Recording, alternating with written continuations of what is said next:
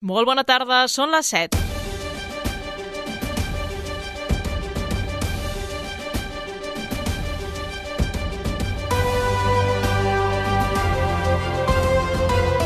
Notícies Vespre. Karen Madrid.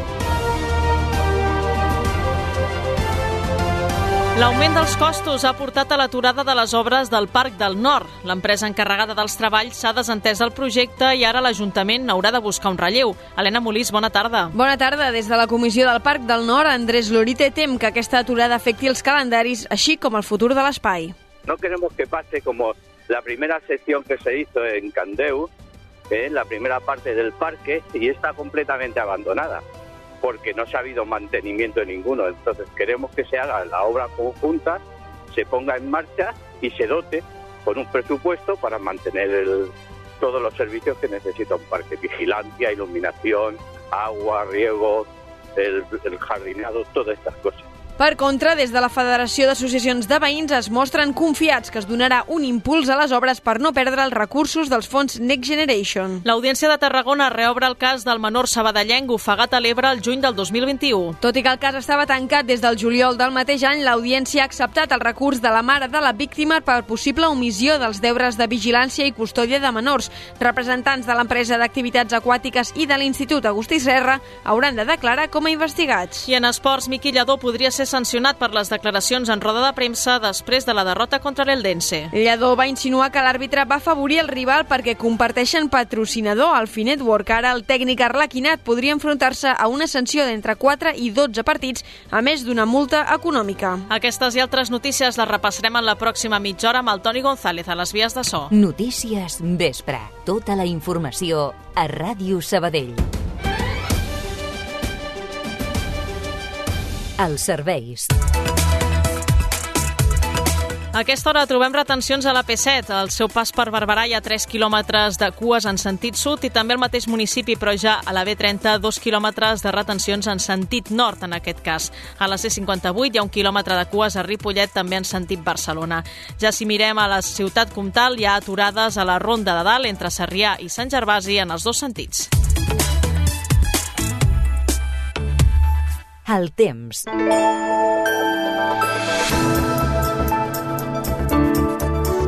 Ara mateix tenim 12 graus a Sabadell, temperatures que segueixen temperades, tot i que són 3 graus menys que els que teníem divendres a aquesta hora. Què hem d'esperar de cara a les pròximes hores? Li preguntem al Francesc Figuerola. Bona tarda. Hola, bona tarda. Aquest dilluns gaudim novament d'una jornada ben tranquil·la com les anteriors. Per tant, el cel serè s'ha imposat a tot el territori. Això sí, esperem que al llarg d'aquesta tarda i sobretot ja al vespre eh, comencin a arribar núvols baixos al litoral central i sud, també a la zona de l'Empordà, fins i tot amb algun banc de boira al final del dia ben enganxat a la costa, per exemple, a la zona de l'Empordà. I també núvols baixos que apareixeran de sud cap a nord, sense cap mena de precipitació. La temperatura, realment avui, la màxima ha estat novament suau, amb valors eh, aproximant-se o arribant fins als 20 graus. De cara a demà sí que tenim un petit canvi de temps. Al matí, de fet, tota la jornada molt ennublada, mig molt ennublada, núvols alts i mitjans, i aquests núvols del matí poden comportar alguna gotellada a l'oest del país que seria acompanyada amb fang i no descartem algun llamp i algun tro. I a la tarda, doncs, tornarien a repetir-se aquests ruixats també a l'oest, sobretot ja tard de vespre, però tots ells de poca entitat. La perturbació seria més activa de cara a dimecres. Això és tot, doncs, des del Servei Meteorològic de Catalunya. El projecte d'urbanització del Parc del Nord ha patit un nou sotrac, l'enèsim de les dues últimes dècades.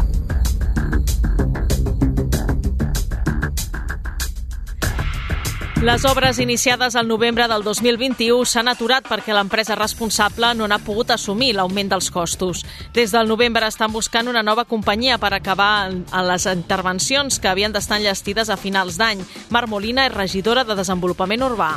Els treballs de l'obra civil del Parc del Nord van quedar aturats fa unes setmanes per la renúncia de l'empresa que els feia i des del primer moment estan treballant els equips per poder reiniciar les obres en les properes setmanes.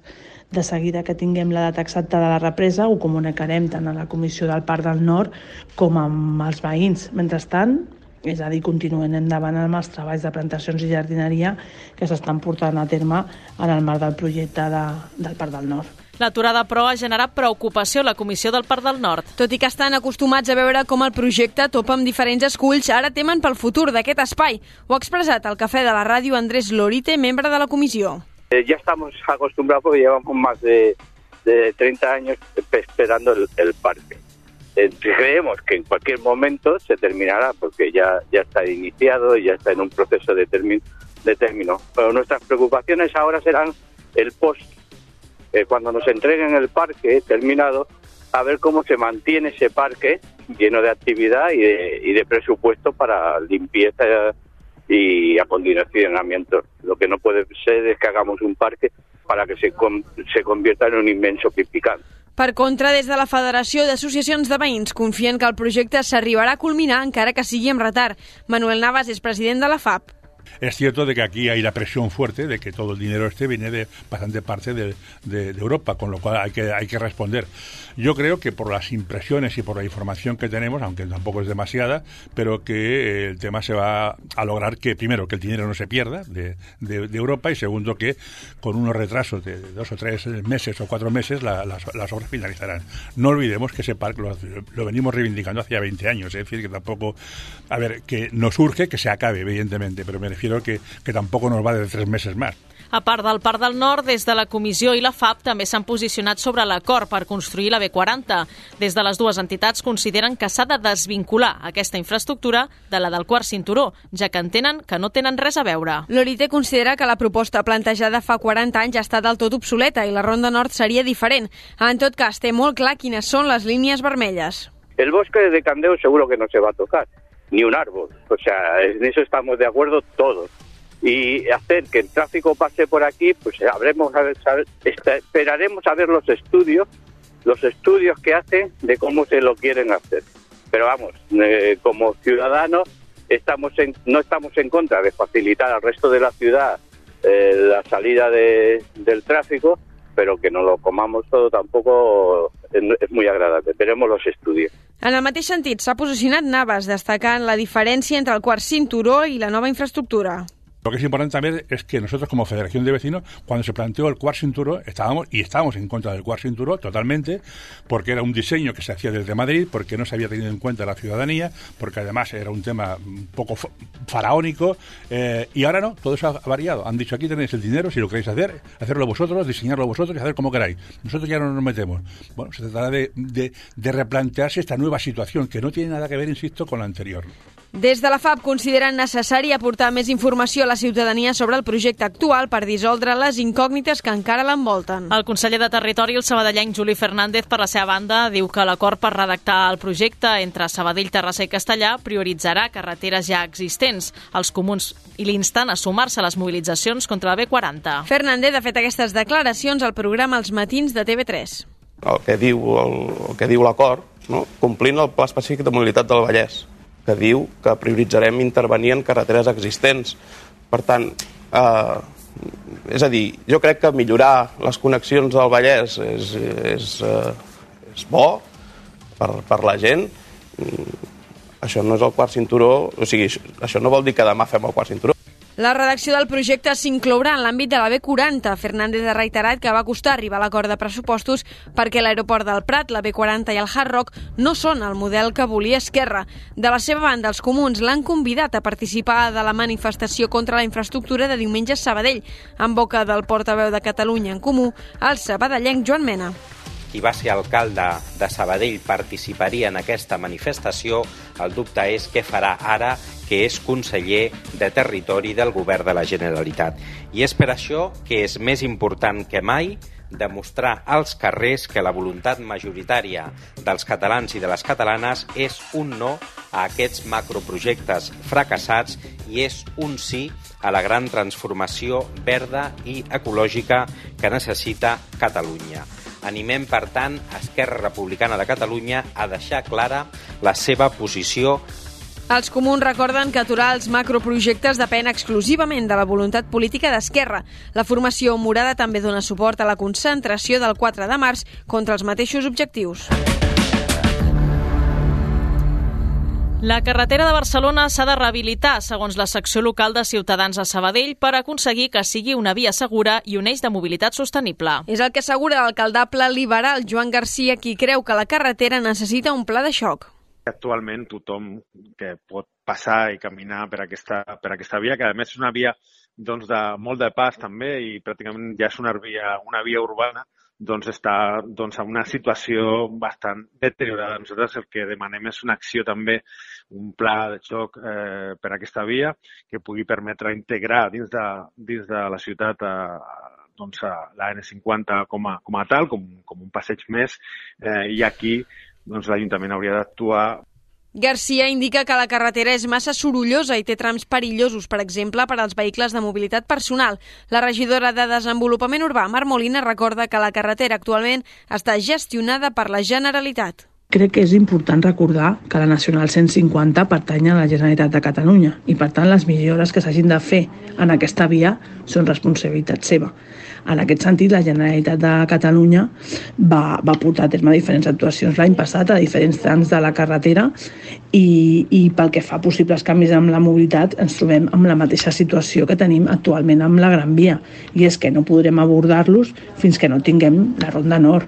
Un cop tinguem la Ronda Nord, podem plantejar-nos la mobilitat al conjunt de la ciutat i a la Nacional 150. La reivindicació d'aquestes millores serà una de les prioritats a la campanya electoral de Ciutadans. Les obres del carrer Mauritània a l'entorn de l'Escola Pau Casal segueixen avançant a bon ritme. A hores d'ara s'estan fent els moviments de terres que permetran configurar aquest nou espai. Després s'ubicaran els murs i paviments, les instal·lacions d'enllumenat i rec i finalment s'hi col·locaran els jocs i mobiliari urbà i es plantarà l'arbrat. Més concretament, s'hi està construint una nova zona de jocs infantils que es dividirà en dos nivells. A la part superior s'hi trobaran els jocs de trepa i de fusta, juntament amb una zona d'arbrat. A la part baixa, en canvi, s'instal·laran els jocs infantils més tradicionals.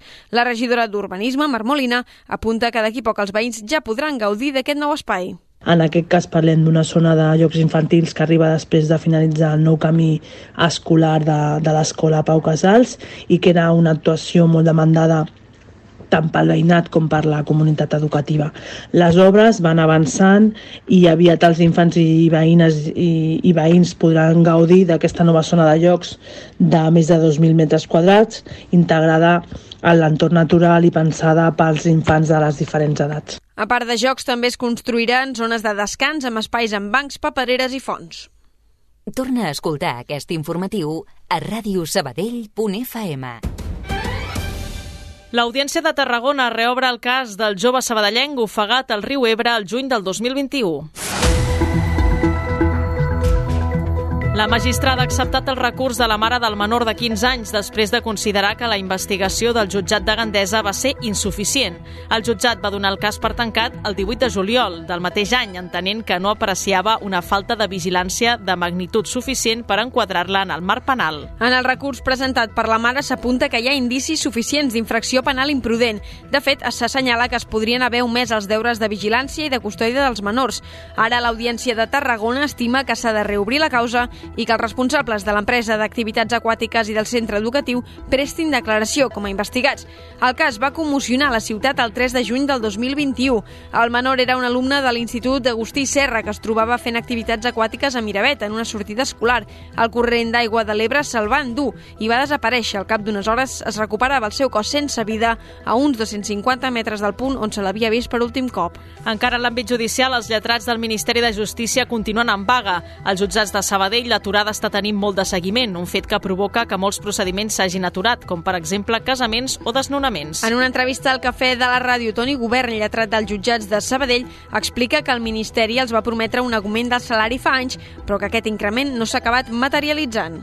Des de l'any 2009 eh, fins a avui eh, hem assumit un conjunt de competències, eh, diuen fins a 300 o de 300 o 400 competències que abans corresponien als jutges i que, com he dit, eh, des de l'any 2009 eh, se'ns van atribuint a nosaltres el 2009 i el 2015. Com a conseqüència d'aquesta nova assumpció de competències, el que en definitiva demanem és una educació salarial. I també es, es demana una pròpia negociació col·lectiva perquè ens representen els sindicats, que són els que representen els cossos de funcionaris que estan per sota nostre i, per tant, hi ha un conflicte d'interessos i mai ens poden representar. Els jutjats de Sabadell, 17 dels 23 lletrats estan fent vaga aquests dies. Segons govern, un cop finalitzi la vaga, costarà molt recuperar el, el ritme judicial. Ràdio Sabadell. Notícies vespre.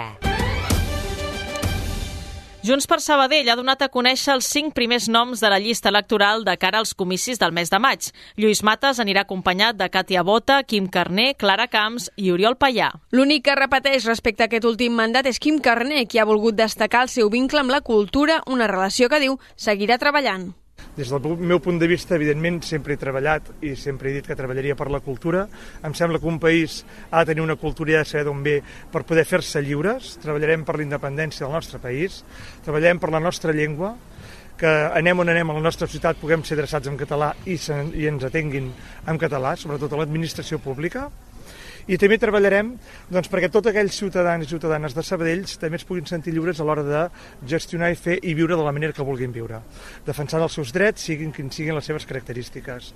Per la seva banda, Clara Camps ha defensat la necessitat de reforçar la seguretat a la ciutat ens trobem, és a dir, des de Junts volem, volem impulsar, tenim el dret, creiem que tenim el dret de, de sentir-nos segurs a casa nostra i també a la nostra ciutat. I tota acció que vagi en contra d'aquesta seguretat, d'aquesta sensació, d'aquesta percepció de seguretat, doncs la, la treballarem i la, i la combatrem. Per últim, Oriol Payat més està preocupat per la situació de l'habitatge a Sabadell. Torna a escoltar aquest informatiu a radiosabadell.fm. 1.400 persones han recorregut el centre de Sabadell disfressades aquest diumenge al vespre. É o carnaval que tá chegando, viu?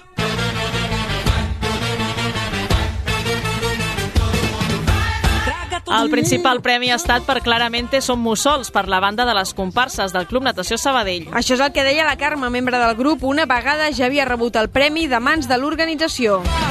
Tot està fet a mà, vull dir que només hem comprat el mallot. Ah, S'ha fet la meva filla, que té 16 anys, vull dir, això té un mèrit molt important. I, bueno, i per lo de més la gent pues, ens ha ajudat molt, hem, hem, hem patit molt, eh? hem patit molt perquè penseu que el casco que portaven era un casco molt gran i a vegades és molt difícil poder ballar i fer l'actuació i tota la història. El premi a la millor carrossa se l'ha endut la botiga dels horrors de Gris Dens. Griselda Estudillo, una de la colla, ha explicat d'on va sortir la idea. Som una escola de teatre musical i cada vegada fem coses musicals on te puguem cantar i puguem portar una temàtica doncs, concreta, no? Hem fet La Sirenita, hem fet Aladdin, i ara volíem un musical i vam decidir aquest. Una de les novetats d'enguany és que l'organització ha obert un tercer premi en la categoria de comparses.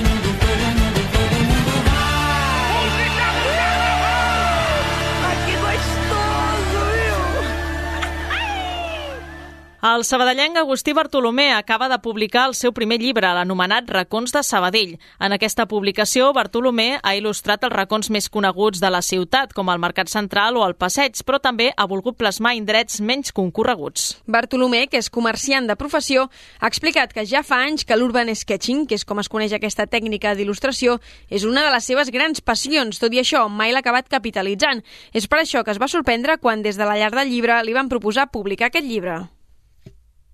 Què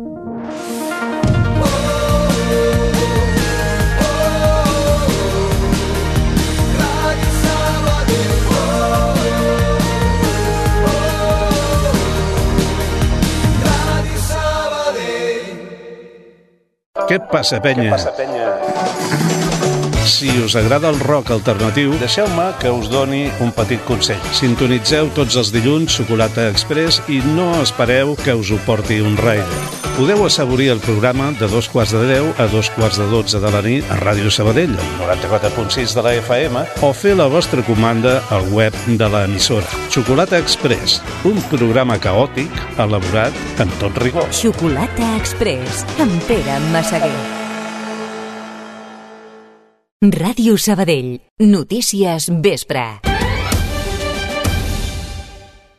Sabadell i la comarca.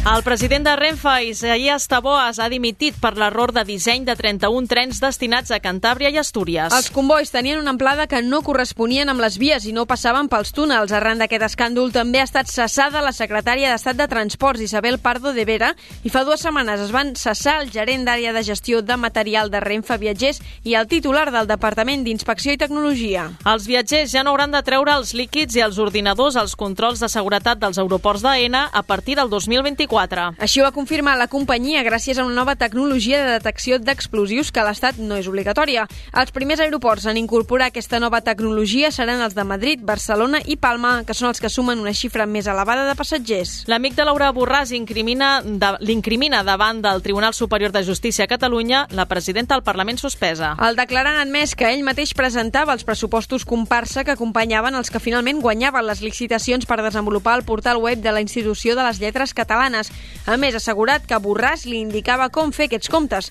Tot plegat ho ha dit després que l'expresidenta del Parlament hagi negat haver comès cap delicte. Nou terratrèmol aquesta tarda a la frontera entre Turquia i Síria. El sisme de 6,4 graus a l'escala de Richter ha afectat diversos edificis. Ha coincidit just quan el govern turc donava per acabada la recerca de supervivents dels terratrèmols anteriors. I un últim apunt, els ministres d'Exteriors de la Unió Europea imposaran sancions contra 32 persones i dues entitats més de l'Iran per la repressió de les protestes protestes al país. Entre els sancionats hi ha els ministres de Cultura i d'Educació, el portaveu de la Guàrdia Revolucionària, membres del Parlament iranià i de la policia del sistema judicial i agents penitenciaris. Es tracta del cinquè paquet de sancions de la Unió Europea contra l'Iran que ja afecten 196 persones i 33 entitats. Esports.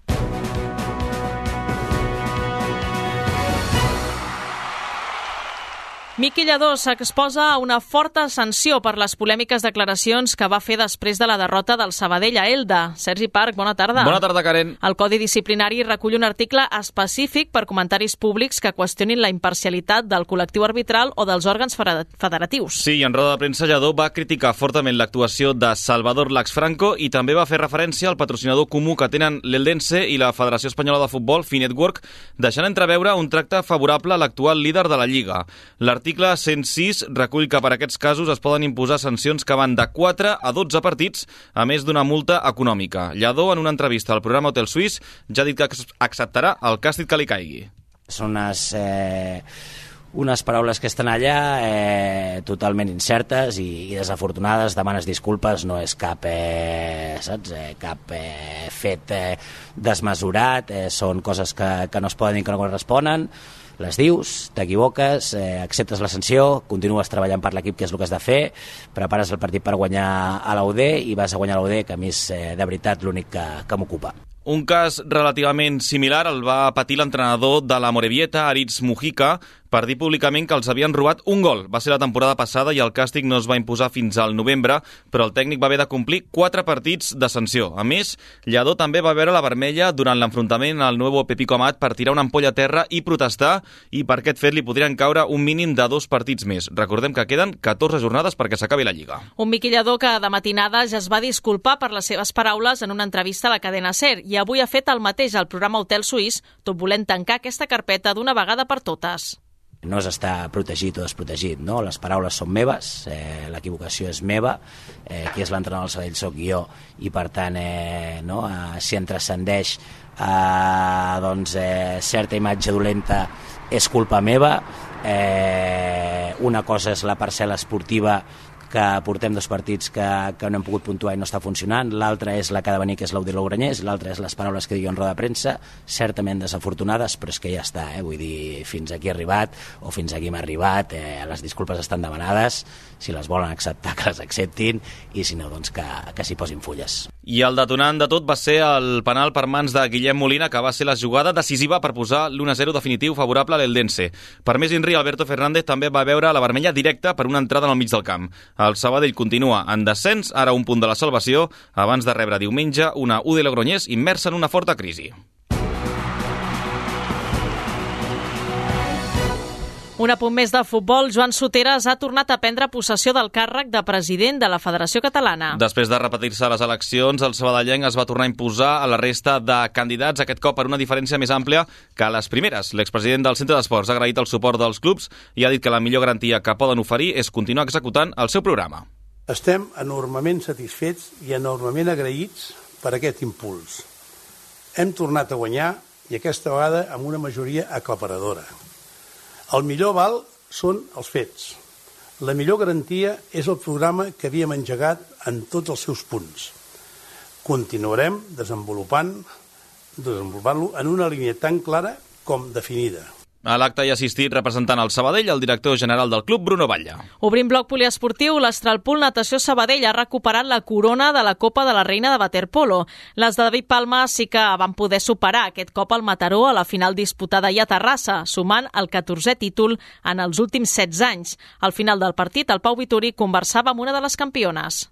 Doncs amb l'autora del 8 a 6 definitiu, amb la Sabrina Van der Slot. Sabrina, què tal? Com estàs? Bien, ahora bien.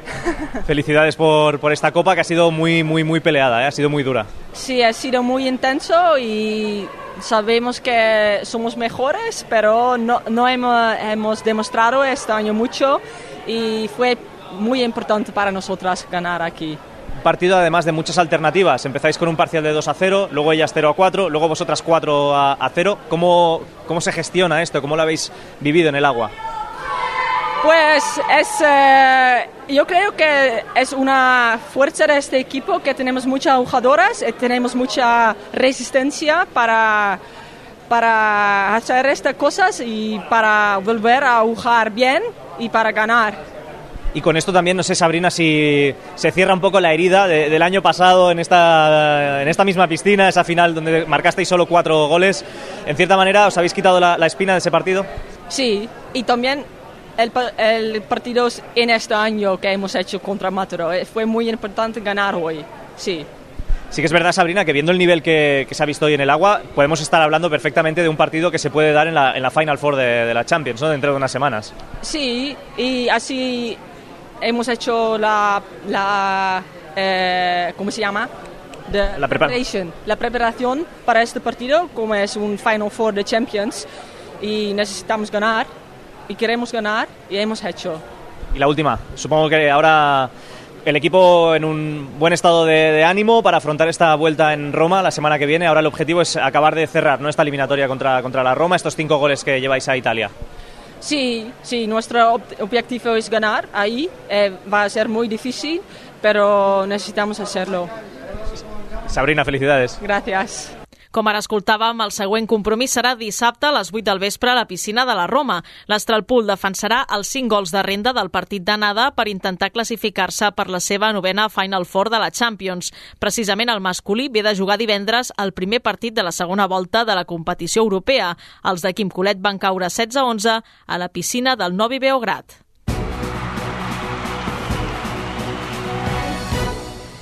I en handbol, jornada gloriosa per als dos sèniors de l'Oar Gràcia amb les victòries contra rivals directes de les seves respectives lligues. El masculí continua ben viu en la lluita pel segon lloc de la primera nacional després de guanyar de forma agònica el Sant Cugat 28 a 27. Un gol de Guillem Correro a pocs segons del final va donar dos punts vitals als graciencs.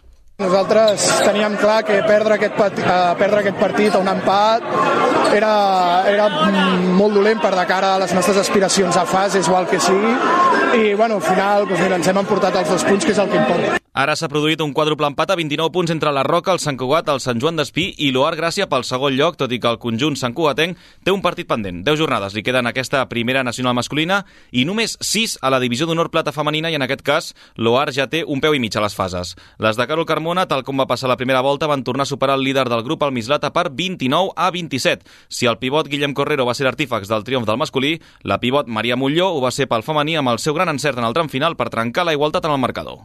La veritat és que em sento bastant orgullosa i, i ja només per l'atac i pels gols fets perquè al final, bueno, repeteixo el que has dit tu, acaba sent fent una mica les companyes, però sí que és veritat que no m'ha treballat el braç, però també, si no, en, en defensa, crec que al final també m'ho he treballat moltíssim, amb, juntament amb la tercera defensiva hem estat allà impecables. Les de Carol Carmona, a més de posar-se a un sol punt de les valencianes amb l'avaraix particular guanyat, ja avantatgen en 5 punts el tercer després de l'ensopegada del Sant Vicenç. Gràcies, Sergi, bona tarda. A tu, Karen.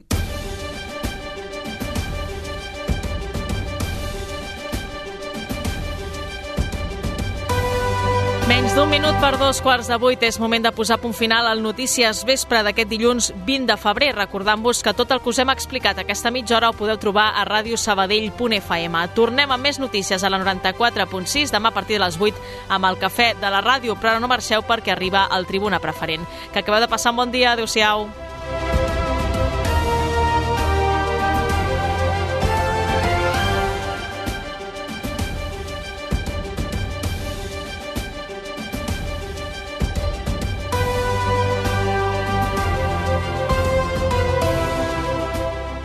On siguis, escolta'ns online. En directe.radiosabadell.fm